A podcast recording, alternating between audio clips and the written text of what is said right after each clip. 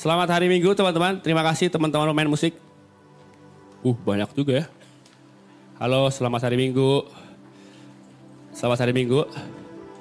Oke, nggak ada yang jawab. Terima kasih banyak teman-teman ya.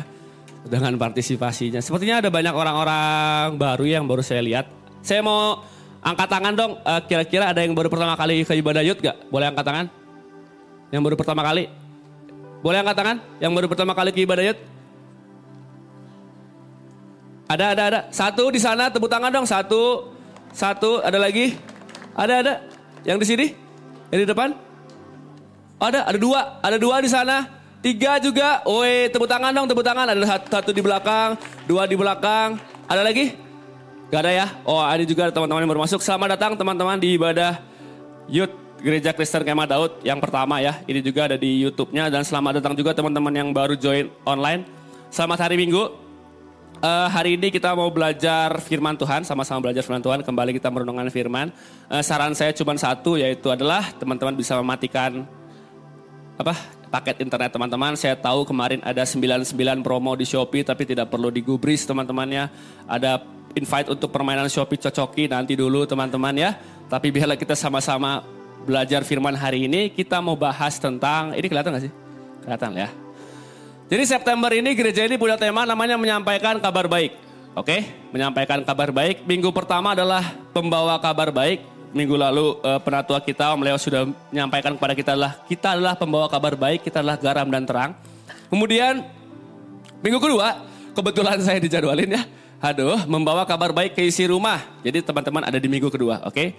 Minggu ketiga adalah rumahku harus penuh. Apa itu bang? Nah teman-teman nanti bisa eh, belajar di minggu ketiga dan minggu keempat adalah kabar baik bagi seluruh dunia.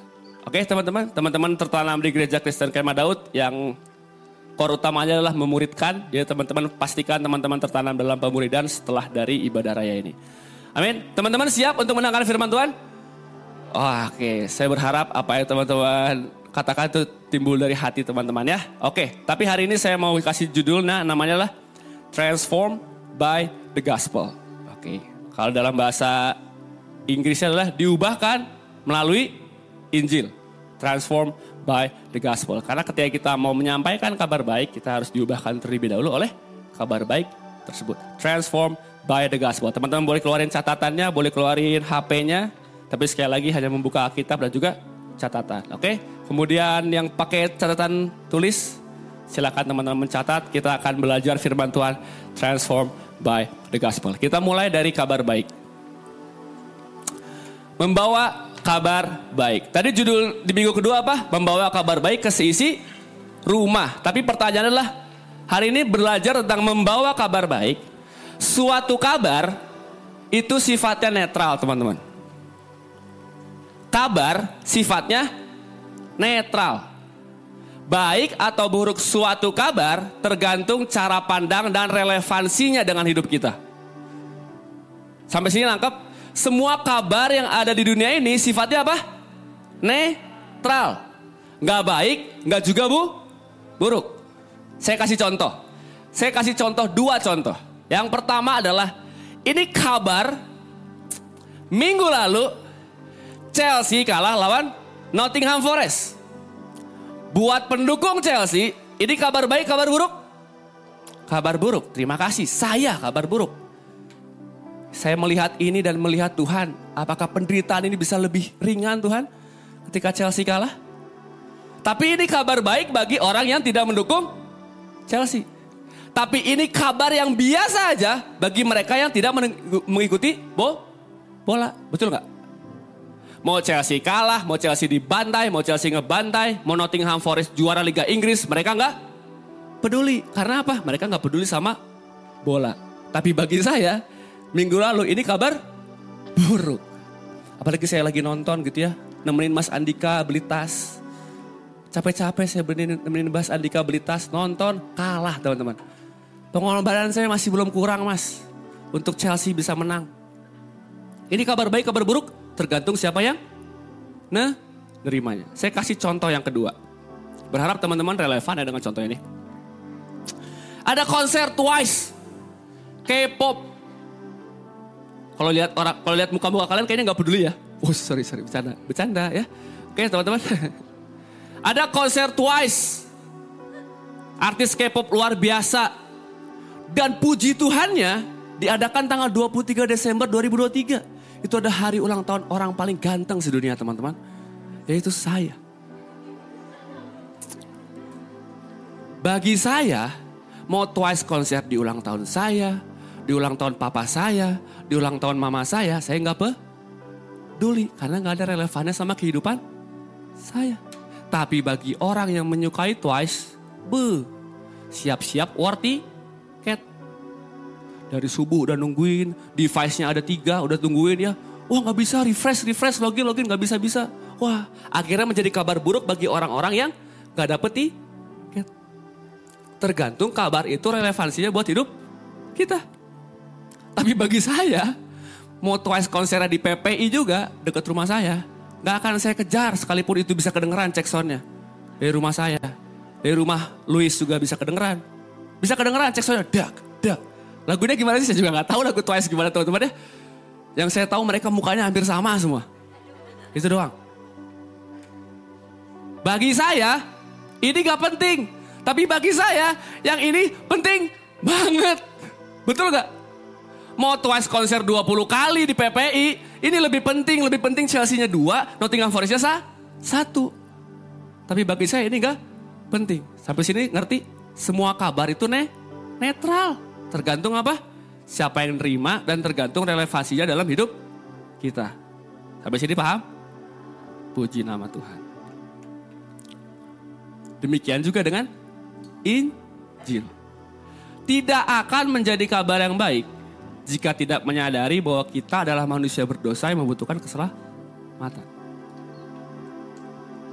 Apakah Injil kabar baik Yesus yang mati ganti saya, Yesus yang tadinya hina, eh, Yesus yang mulia jadi hina, Yesus yang tadinya diterima oleh Bapa ditolak oleh Bapa, Yesus yang tadinya tidak berdosa jadi dosa, Yesus yang tadinya anak Allah yang dikasihi sekarang ditukar di atas kayu salib jadi kita yang dikasihi dan Yesus bilang apa? Allah Bapa meninggalkan dia di atas kayu salib. Pertanyaan saya, apakah kabar baik tersebut adalah baik bagi teman-teman? Sadarkah kalian bahwa kalian tidak bisa menyelamatkan hidup kalian sendiri tanpa Kristus?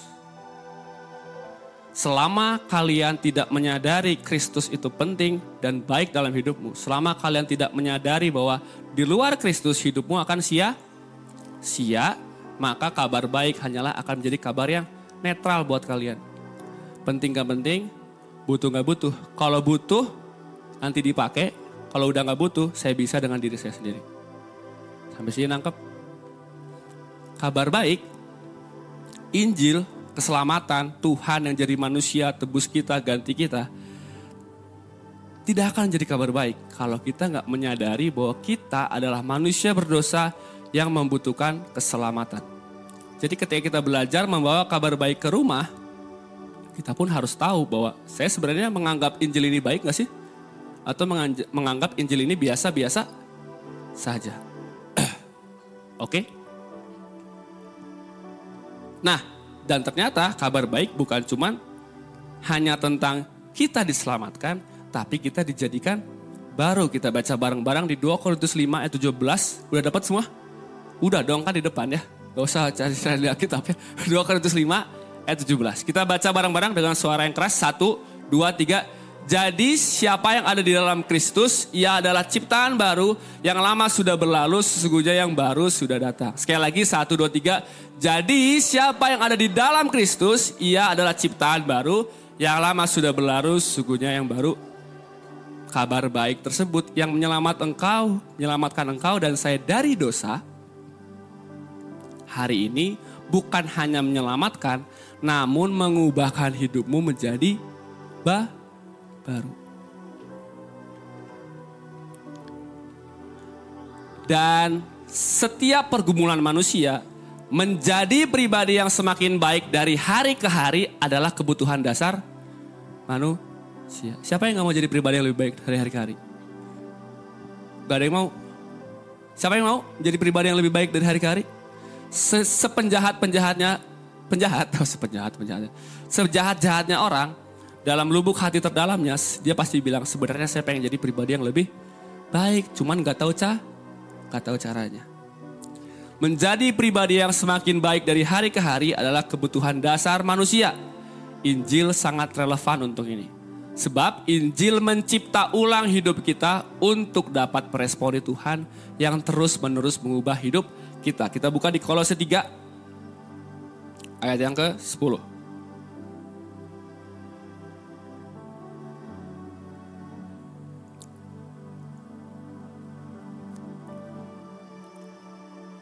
Kolose 3 ayat 10 kita baca bareng-bareng. 1, 2, 3. Dan telah mengenak, sekali lagi 1, 2, 3. Dan telah mengenakan manusia baru yang terus-menerus diperbaharui untuk memperoleh pengetahuan yang benar menurut gambar haliknya. Haliknya itu penciptanya itu Tuhan. Jadi sebelumnya Injil yang tadinya menyelamatkan kita, tadinya kita di sini, kita nggak tahu mati masuk mana, kita nggak tahu, kita nggak punya pengharapan, kita hidupnya sia-sia.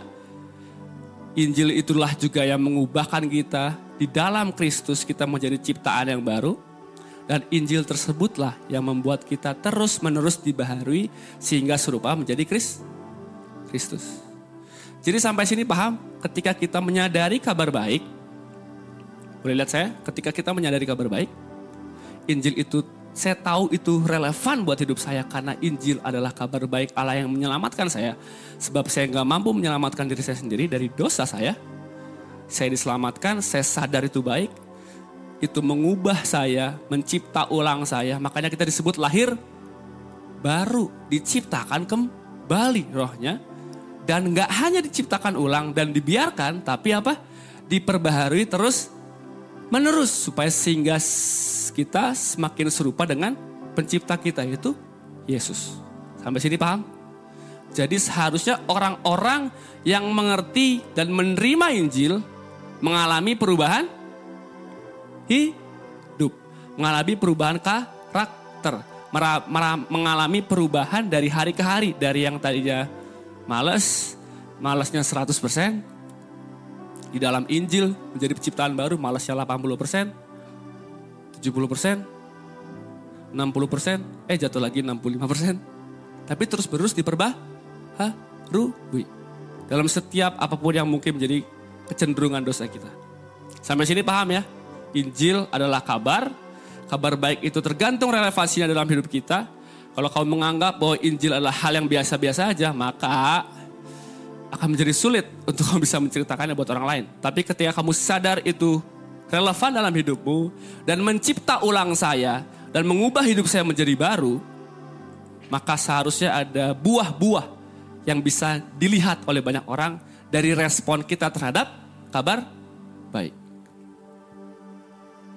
Dan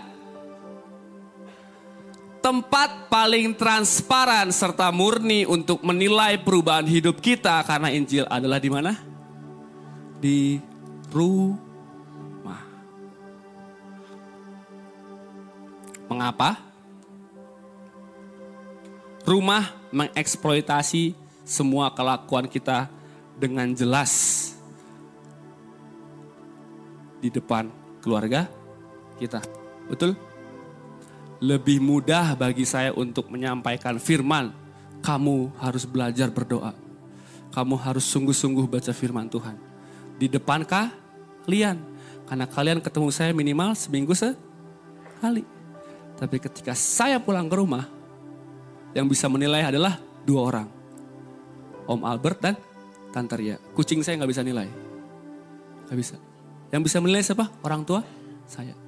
Ketika saya bilang, kamu harus baca firman, kamu harus berdoa, kamu harus sungguh-sungguh. Kamu harus belajar saat teduh. Yang bisa nilai siapa? Orang tua saya. Kalau saya bilang di sini enak ya.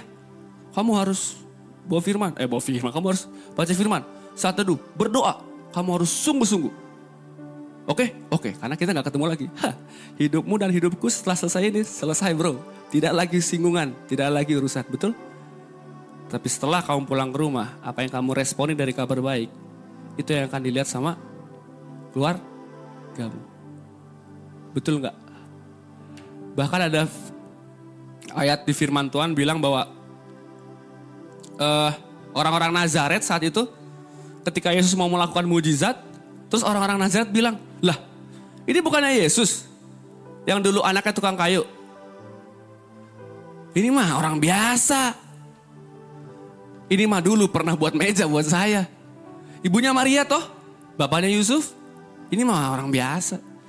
Dan kita mencatat Tuhan gak membuat banyak mujizat di Nazaret. Bukan berarti Tuhan yang gak mau.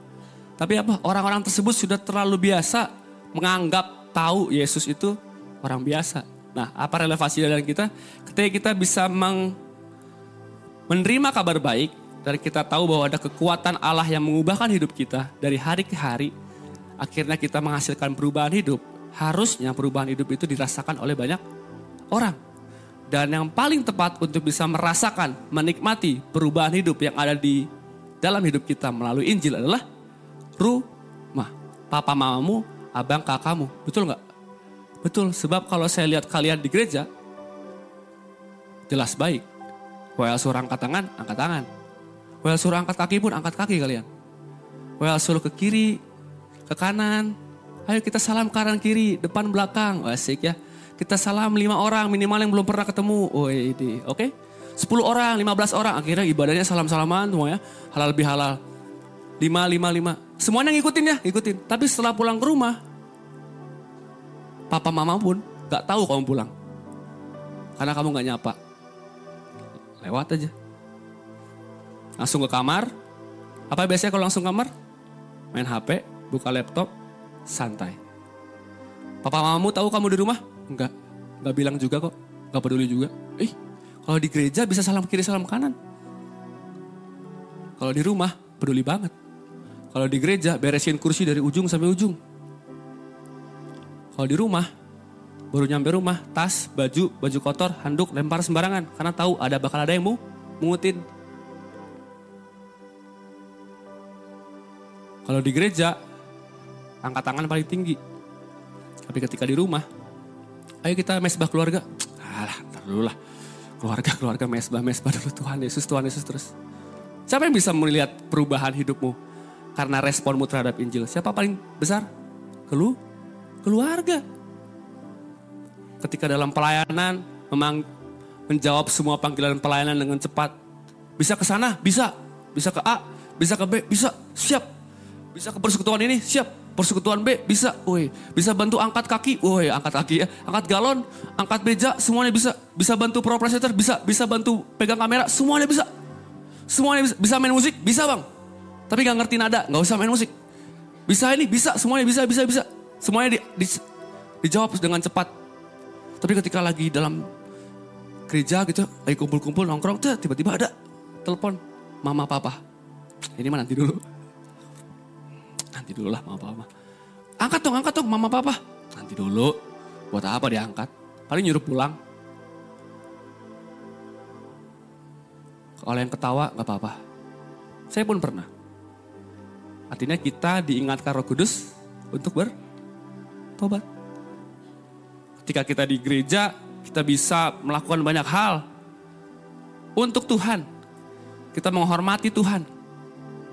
Kita bisa saling menyapa satu sama lain. Tapi di rumah, menyapa papa mama pun jarang.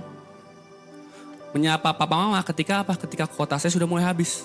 Pak, mah, punten sambil gesek-gesek ini. Pinjam dulu 100, enggak, enggak ada.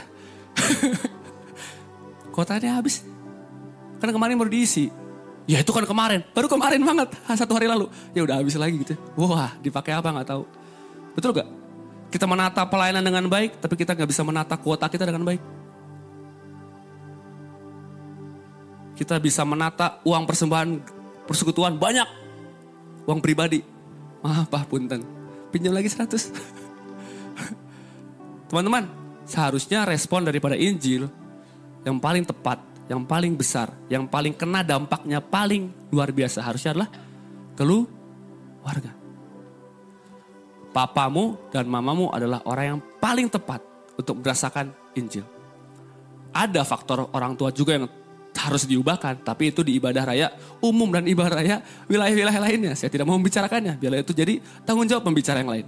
Tapi hari ini di youth, khususnya di anak muda, kita harus bisa belajar untuk menjadi anak yang baik sebab sebelum Yesus melakukan banyak pelayanannya, di luar sana selama tiga setengah tahun, selama 30 tahun dia melayani di mana? Di mana? Di keluarga.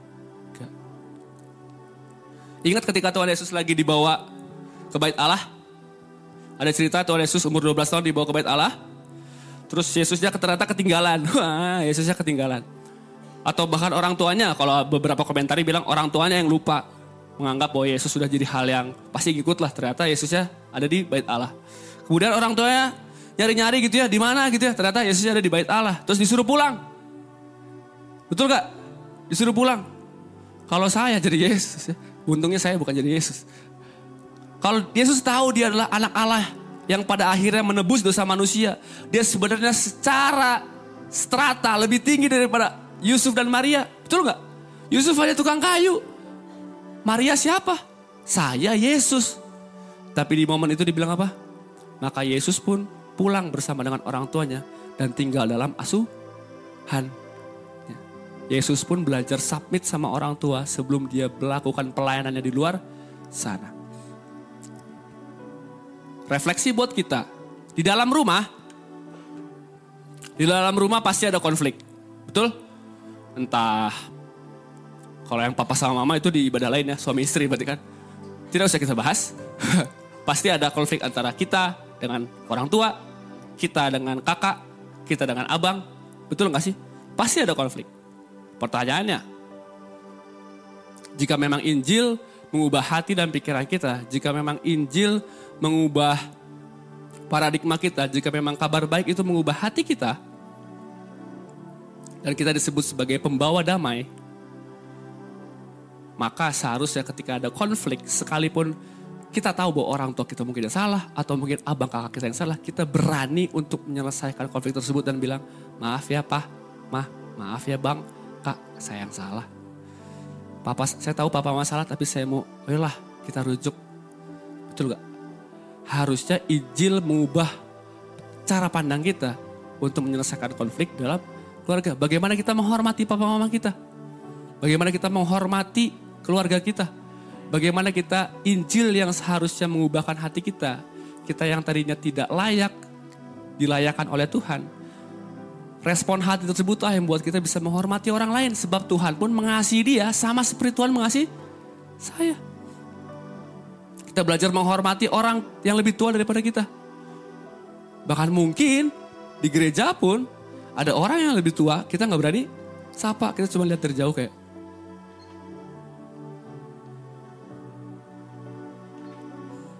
Kalau orang tuanya ke sini kita ikut ke sini, orang tuanya ke situ kita ikut ke sini. Gereja ini seperti stasiun yang tua segan yang orang tua tua segan untuk menyapa, yang anak-anaknya juga nggak peduli amat mau orang tuanya lewat atau enggak, yang penting ibadah selesai saya bisa pulang. Menghormati bagaimana bersikap, bagaimana kita disiplin, bagaimana kita sopan dan sebagainya sebagainya. Ketika kita di ibadah, kita bisa saling sopan satu sama lain. Namun ketika sedikit kita ditegur oleh orang tua kita, bisa nada kita lebih keras daripada orang tua kita ini jadi satu hal yang perlu kita evaluasi ke depan. Ini bukan hanya untuk teman-teman, tapi untuk saya. Sebab saya pun statusnya masih anak. Artinya ketika kita belajar menyampaikan kabar baik bagi keluarga. Kabar baik bagi keluarga kita adalah hidup yang senantiasa mengalami pertobatan dan perubahan dari dalam keluar melalui Injil. Amin. Inilah kabar baik sebenarnya. Karena apa? Saya tahu teman saya berbicara di ibadah youth satu yang notabene papa mamanya mungkin sudah kenal Tuhan. Betul gak sih? Terus kalian mencoba untuk membawa kabar baik ke rumah gitu ya. Papa terus tahu bahwa kata papanya, aduh kamu. Papa ini produk zaman dulu gak usah banyak ngomong kamu. Papa lebih tahu firman Tuhan. Ya juga ya kalau pikir-pikir. Atau teman-teman ada di keluarga yang bapak mamanya tidak mengenal Tuhan. Betul gak? Dan dia gak setuju dengan imanmu. Dia gak setuju dengan Yesus yang kamu sembah. Dia gak setuju dengan gereja-gerejaan yang kamu alami setiap hari. Eh, setiap hari, setiap minggu. Dia gak setuju dengan pemuridan itu. Dia gak setuju dengan persekutuan. Dia gak setuju dengan Tuhan yang kamu sembah. Betul gak? Kamu ada di, di keluarga yang mungkin gak mengenal Tuhan. Terus bagaimana caranya? Jika Injil mengubah hidupmu, maka seharusnya keluargamu bisa melihat perubahan yang baik dalam hidupmu. Itu menjadi kabar yang dalam tanda kutip tidak perlu diceritakan melalui mulut, tapi lahir dari sak si kesaksian hidup. Sehingga orang tuamu yang mungkin belum setuju dengan imanmu, tapi bisa bilang, ya udahlah silahkan persekutuan. Toh kamu jadi lebih baik. Betul gak? Karena tadi yang saya bilang pertama apa? Menjadi pribadi yang lebih baik adalah kebutuhan dasar manusia. Semua kita ber, pengen untuk menjadi pribadi yang lebih baik dari hari ke hari. Dan ketika kita belajar untuk membawa kabar baik kita ke keluarga, bukan dengan hanya sekedar perkataan, bukan hanya dengan sekedar teori, bukan hanya dengan sekedar hal-hal yang ditulis panjang, tapi kabar baik bagi keluarga kita adalah hidup yang senantiasa mengalami pertobatan dan perubahan dari dalam keluar melalui Injil. Amin. Tapi kadang karena kita sudah jatuh satu kali, kita merasa tertuduh dan kita udahlah. Toh saya emang kayak gini orangnya. Udahlah, toh emang saya malu. Emang saya takut, saya udah pernah gagal. Orang tua saya juga udah tahu kok saya gagal. Buat apa saya lanjutkan kehidupan ini? Betul gak? Teman-teman, bagaimana caranya? Dari tadi saya udah menyampaikan bahwa kamu harus jadi saksi, bla bla bla. Tapi bagaimana caranya? Betul gak sih? Kamu pasti bertanya, gimana caranya bang? Gimana caranya kita bisa meresponi kabar baik tersebut dan akhirnya bisa hidup mengalami pertobatan dari hari ke hari dan itu bisa dirasakan oleh keluarga kita. Gimana caranya? Main musik boleh masuk ke depan? kita nyanyiin lagu yang tadi aja. Bagaimana caranya? Kita buka kisah para rasul 1 ayat 8.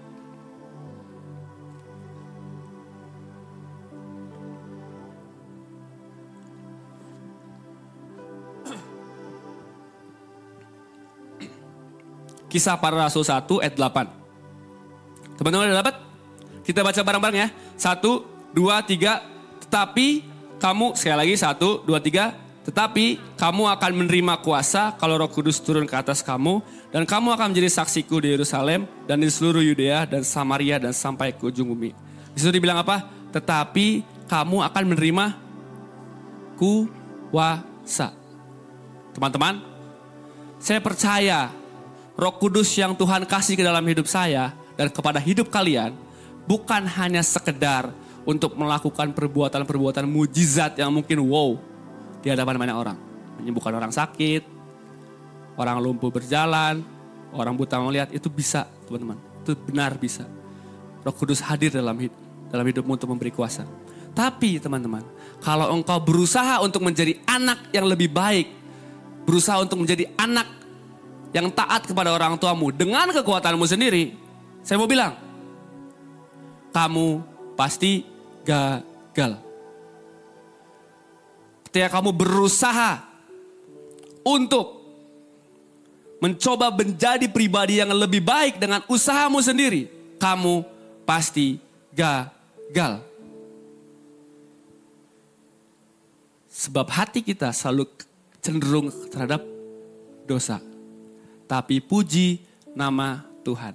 Kamu, kita ganti kamu akan menerima kuasa jadi kamu sudah menerima kuasa. Siap? Satu, dua, tiga. Tetapi kamu sudah menerima kuasa. Sekarang ganti kamunya jadi saya. Satu, dua, tiga. Tetapi saya sudah menerima kuasa. Roh Kudus semua sudah lahir baru? Buat yang teman-teman yang belum lahir baru nanti akan saya tantang di akhir. Teman-teman, kemampuan kita untuk berubah hari demi hari, kemampuan kita untuk bertobat hari demi hari, Bukan dari potensi dirimu sendiri. Bukan dari keinginanmu yang lebih kuat dari hari sebelumnya. Bukan keinginanmu yang lebih besar daripada sebelumnya. Tapi menyadari kebobrokanmu yang lebih besar daripada sebelumnya. Dan melihat kepada anugerah dan kuasa yang Tuhan sediakan dalam hidupmu. Roh Kudus hadir dalam hidupmu. Supaya engkau mampu untuk menjadi anak-anak yang taat kepada orang tuamu. Di hukum Taurat ada apa? Hormatilah ayahmu dan ibumu. Yesus menggenapi hukum Taurat supaya kita bisa belajar untuk menghormati orang tua dan ayah kita, ayah dan ibu kita. Kristus sudah terlebih dahulu menghormati ayah dan ibunya, maka kita bisa menghormati ayah dan ibu kita. Amin. Kekuatannya bukan berasal daripada keinginan yang lebih besar. Kekuatannya bukan berdasarkan saya mencoba untuk menyenangkan hati orang tua saya. dengan apa yang saya punya, dengan prestasi saya, dengan apa. Karena selalu ada yang kurang. Bahkan ada bercanda-bercandaan gitu ya. Kalau bisa ada seseorang yang luar biasa, bisa ada atlet menang gitu ya di lomba atau di olimpiade, pasti ada komen-komen netizen. Kasihan tetangganya. Betul lah? Karena pasti bakal diban banding-bandingin. Ketika kita mencoba untuk menyenangkan hati orang tua kita demi pengakuan dari orang tua kita, kita akan kecewa. Tapi kekuatan kita untuk bisa berubah itu hadir daripada karya salib Kristus yang menganugerahkan kita Roh Kudus. Dan Roh Kudus itulah yang memberikan kepada kita kuasa untuk apa? Untuk hidup menjadi anak-anak te terang. Amin. Bukan dengan kuat gagah, bukan dengan kekuatan kita, tapi oleh karena Roh Kudus. Kisah 1 ayat 8 menjelaskan Tuhan anugerahkan roh kudus untuk memampukanmu. Berubah dari mana? Dari dalam keluar menjadi saksi bagi keluarga. Dari dalam dulu. Dari hatimu dulu. Dari motivasimu dulu. Dari kamu menganggap Injil adalah kabar baik. Betul nggak? Sebab kalau Injil bukan kabar baik, maka itu ne netral. Peduli amat sama kabar baik. Betul nggak? Tapi, tetapi ketika kamu meresponi kabar baik, itu mengubah dari dalam keluar.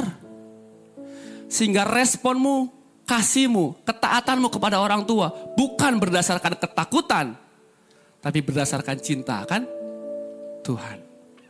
Dan dimampukan oleh siapa? Roh Kudus. Teman-teman sudah lahir baru. Kalau teman-teman sudah lahir baru, Roh Kudus itu dimateraikan dalam hatimu. Amin. Ada pribadi Allah yang tinggal dalam hatimu, yang sama kuatnya, sama hebatnya, sama seperti Yesus membackup murid-muridnya pribadi yang sama yang membackup kita hari ini sama kuatnya sama seperti Yesus membackup murid-murid ketika lagi ada di bumi. Roh Kudus itu adalah hati kita. Dia pribadi menolongmu, mengajarmu.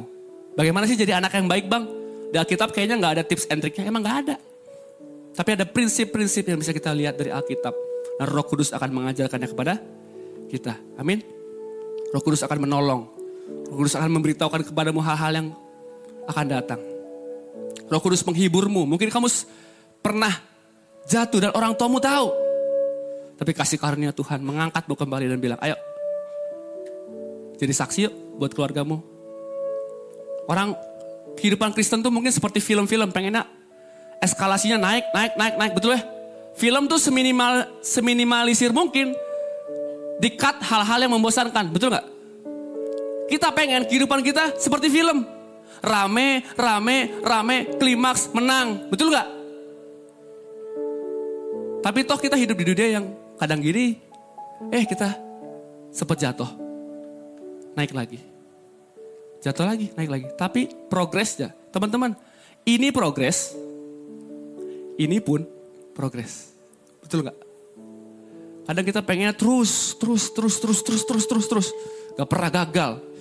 Gak pernah gagal dalam ketaatan kita dalam orang tua. Tapi toh ada gagalnya. Tapi roh kudus memampukanmu untuk kembali pulih. Untuk menjadi berkat buat keluar kamu. Meresponi kabar baik. Yang kedua apa? Ibrani 5 ayat 7 sampai 8. Kita buka yuk. Ibrani 5 ayat 7 sampai 8.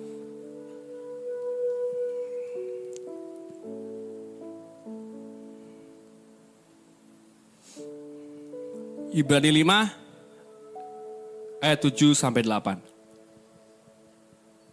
Saya bacain buat teman-teman. Dalam hidupnya sebagai manusia, ia telah mempersembahkan doa dan permohonan dengan ratap tangis dan keluhan kepada dia yang sanggup menyelamatkannya dari maut.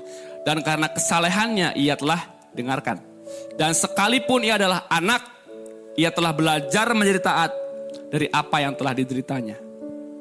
Karena Kristus sudah belajar taat sebagai anak, maka kita dimampukan belajar taat juga kepada wakil Tuhan di bumi, yaitu orang tua. Our strength, our capacity to obey our family is comes from His word, is come from God. Karena Kristus sudah, maka saya mam, mampu. Sama seperti yang saya bilang di Lukas 2 tadi, Yesus lagi di bait Allah, kemudian orang tuanya suruh panggil, ayo pulang, dia taat. Kalau Kristus bisa belajar taat dan sudah belajar taat, maka kita dimampukan juga untuk taat. Dan mengalami pertobatan demi pertobatan supaya keluarga kita melihat hal yang baik dalam hidup kita. Amin. Itulah kabar baik sesungguhnya. Yang terakhir, Matius 16 ayat 24.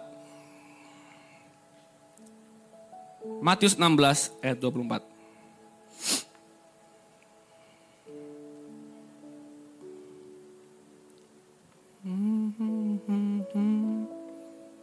Soraklah bagi dia. Matius 16 ayat 24. Saya bacain buat teman-teman. Lalu Yesus berkata kepada murid-muridnya, setiap orang yang mau mengikut aku, ia harus menyangkal dirinya memikul salibnya dan mengikut aku. Apa kekuatan kita terbesar? Kekuatan kita terbesar setiap pagi, setiap hari sebagai seorang anak. Allah dengan cara mengakui ketidakmampuan kita setiap hari. Sangkal dirimu, saya sebenarnya anak yang gak baik-baik amat. Tapi saya mau belajar untuk menghormati orang tuaku hari ini. Amin. Saya gak mampu taat dengan kemampuan saya Tuhan. Tapi aku mau belajar untuk menghormati orang tuaku hari ini. Tuhan, aku gak suka saat teduh.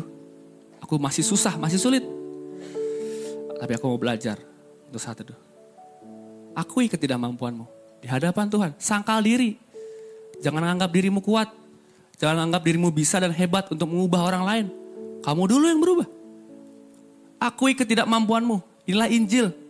Injil tidak pernah berbicara tentang potensi diri manusia, sebab potensi diri manusia adalah dosa dan kesalahan.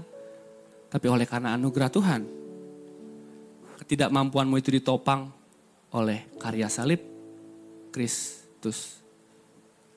Akui ketidakmampuanmu setiap hari dan terima juga anugerah yang menopangmu setiap hari. Bukankah kita bilang kasihnya selalu baru setiap hari? Kuasanya selalu baru setiap hari? firmannya selalu baru setiap hari. Akuilah ketidakmampuanmu. Tuhan aku gak mampu, tapi roh kudus mampukannya hari ini. Aku gak mampu untuk bisa, aku ini emosian Tuhan. Kalau jawab orang tua aku, aku selalu pengen lebih besar nadanya daripada orang tua aku. Aku gak mampu Tuhan. Kecenderunganku itu marah-marah terus. Kecenderunganku tuh cuek sama orang tua aku Tuhan. Aku tuh gak mampu. Tolong ya Tuhan, roh kudus, mampukan saya. Itulah hubungan yang pengen Tuhan jalin dengan kita. Satu keterbukaan. Justru dalam kelemahanlah kuasanya menjadi sempurna. Transform and renew by the gospel. Day by day. Kekristenan adalah tentang proses bersama dengan Tuhan. Kekristenan bukan hanya sekedar surga dan neraka, kalau hanya sekedar surga dan neraka, apa bedanya kita dengan agama lain, betul? Tapi kekristenan berbicara tentang dibaharui hari demi hari. Jangan pernah takut, jangan pernah gentar, jangan pernah merasa bahwa kamu selalu kurang. Ingat ada roh kudus dalam hidupmu, betul?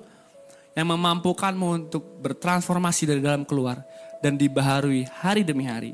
Sehingga hasil pembaharuan hidupmu, hasil pertobatanmu adalah kabar baik buat keluar kamu. Keluargamu bisa bilang, Tuhan yang dia sembah betulan. Tuhan yang dia sembah beneran. Kalau mungkin ada keluargamu yang belum mengenal Tuhan. Dan mereka melihat perubahan hidupmu. Bukan karena ketakutanmu terhadap mereka. Tapi karena kecintaanmu kepada Tuhan dan menghargai kasih karunia Tuhan. Orang tuamu akan bilang, Belajar apa kau di Bandung? Belajar apa kau di gereja? Apa yang bisa membuat kamu kok jadi lebih baik ini?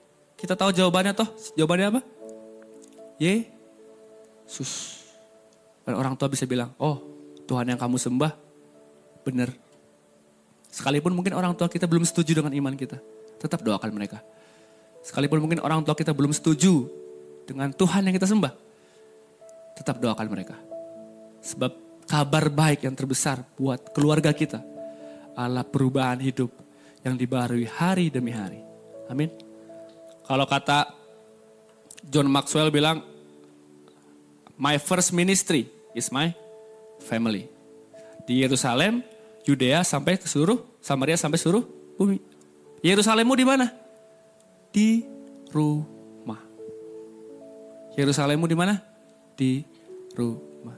Kalau berbicara tentang dampak, skala yang makin besar, harusnya yang paling luar, yang paling minim mengalami dampak. Yang paling dalam, yang paling besar mengalami dampak. Keluargamu harus belajar juga menerima dampak yang kau responi dari kasih karunia Tuhan. Amin. Engkau dimampukan. Teman-teman, mungkin teman-teman merasa ragu, gagal. Bisa nggak ya saya jadi saksi buat keluarga saya? Ingat, ada roh kudus. Roh kudus memampukanmu. Roh kudus memberimu kuasa untuk menjadi saksi buat keluargamu. Dan bagaimana bang supaya bisa roh kudus itu tinggal dalam hati? Lahir baru. Terima Yesus sebagai Tuhan dan Juru Selamat pribadi dalam hidupmu. Yesus yang sudah menebus setiap dosamu. Dan hari ini kau layak memanggil dia Bapa. Yesus yang sudah menghapuskan segala pelanggaran karena dosa. Yesus yang menebus kita dari konsekuensi dosa yaitu murka Allah dan maut. Yesus yang sudah menebusmu. Marilah kita untuk menerimanya, lahir baru. Dan ketika teman-teman lahir baru, teman-teman dianugerahkan roh kudus. Roh kudus itulah, roh kudus itulah yang memampukanmu untuk menjadi anak-anak yang terus bertobat hari demi hari dan menjadi kabar baik buat keluarga. Amin.